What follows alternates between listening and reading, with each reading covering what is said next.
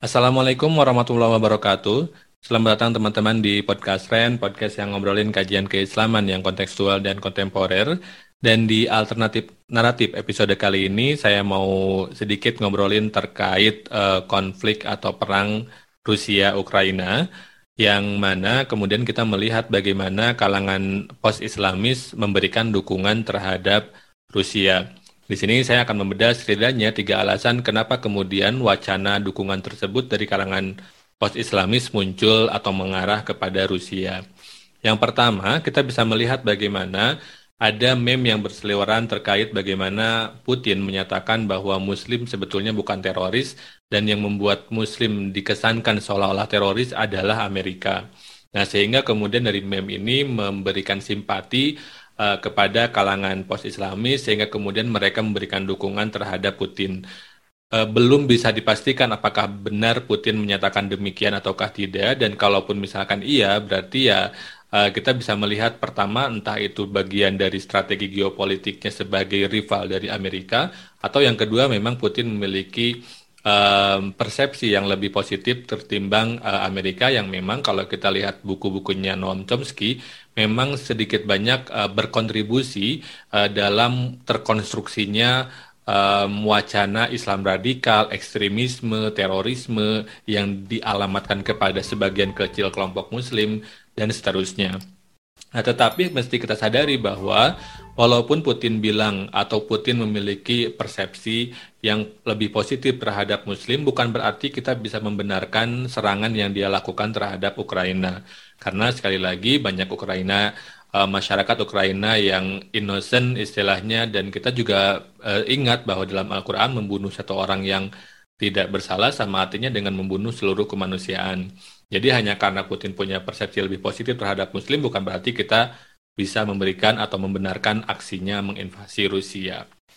Yang kedua, kenapa kemudian dukungan mengarah kepada Rusia adalah karena bagi kalangan post-Islamis dan bagi kalangan Muslim secara umum kita melihat adanya standar uh, ganda, gimana uh, orang-orang Eropa kemudian memberikan reaksi yang sangat cepat ketika berhubungan dengan invasi Rusia terhadap Ukraina tapi kok seolah-olah tidak uh, tidak bereaksi apa-apa ketika terjadi penyerangan terhadap Irak, uh, kemudian um, Afghanistan, kemudian um, Libya dan seterusnya gitu. Bahkan terhadap konflik uh, Israel Palestina pun uh, kita tidak tidak pernah mendengar suara dunia di bawah PBB sekuat dan sebersatu suara ketika terjadi di Ukraina. Nah, ini kemudian menimbulkan uh, memperkuat narasi anti-Western dan membu, uh, memperkuat narasi um, uh, ter, terhegemoni atau ter ini ya terpinggirkan dari wacana geopolitik dan melihat bagaimana orang-orang Barat ini memiliki standar ganda ketika berhubungan dengan uh, masyarakat atau negara yang secara ras atau secara kultur lebih dekat dengan mereka, mereka bereaksi cepat, tapi kemudian ketika berhubungan dengan Muslim, kita kemudian seolah-olah dimarginalkan dari pergaulan dunia dan dibiarkan dianggap bukan apa-apa gitu.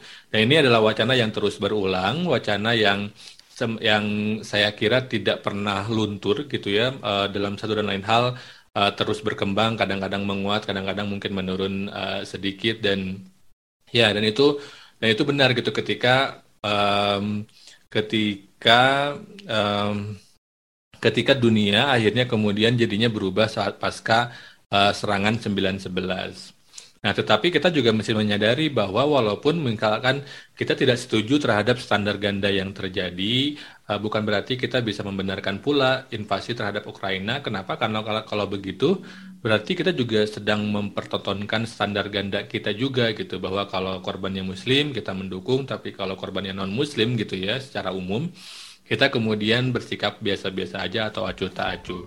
Nah, kalau kita tidak mau orang lain standar ganda, kita juga mungkin mesti belajar juga untuk tidak standar ganda. Mungkin ya lebih amannya ya untuk tidak berpihak terhadap mana pun begitu karena uh, apalagi kalau kita istilahnya dalam posisi yang tidak mengerti konteks geopolitik.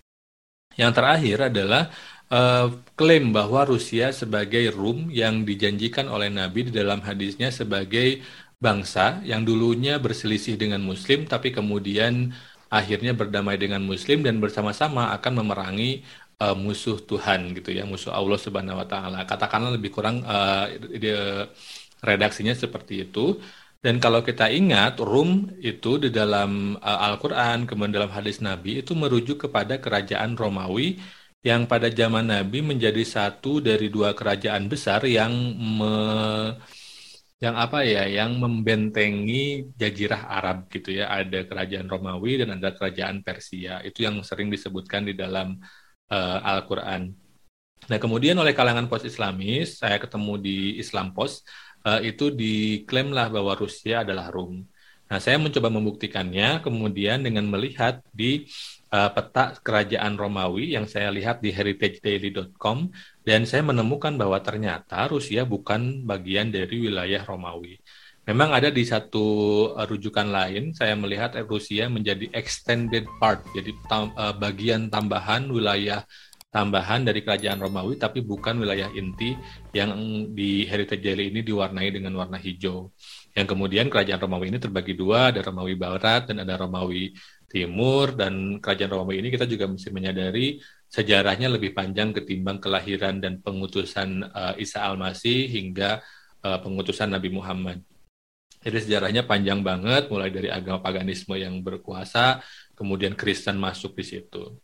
Dan ngomong-ngomong soal Kristen, yang menarik juga di Islam Post diklaimlah bahwa room yang dimaksud adalah gereja Kristen Ortodoks yang memang betul lokasinya ada di Rusia.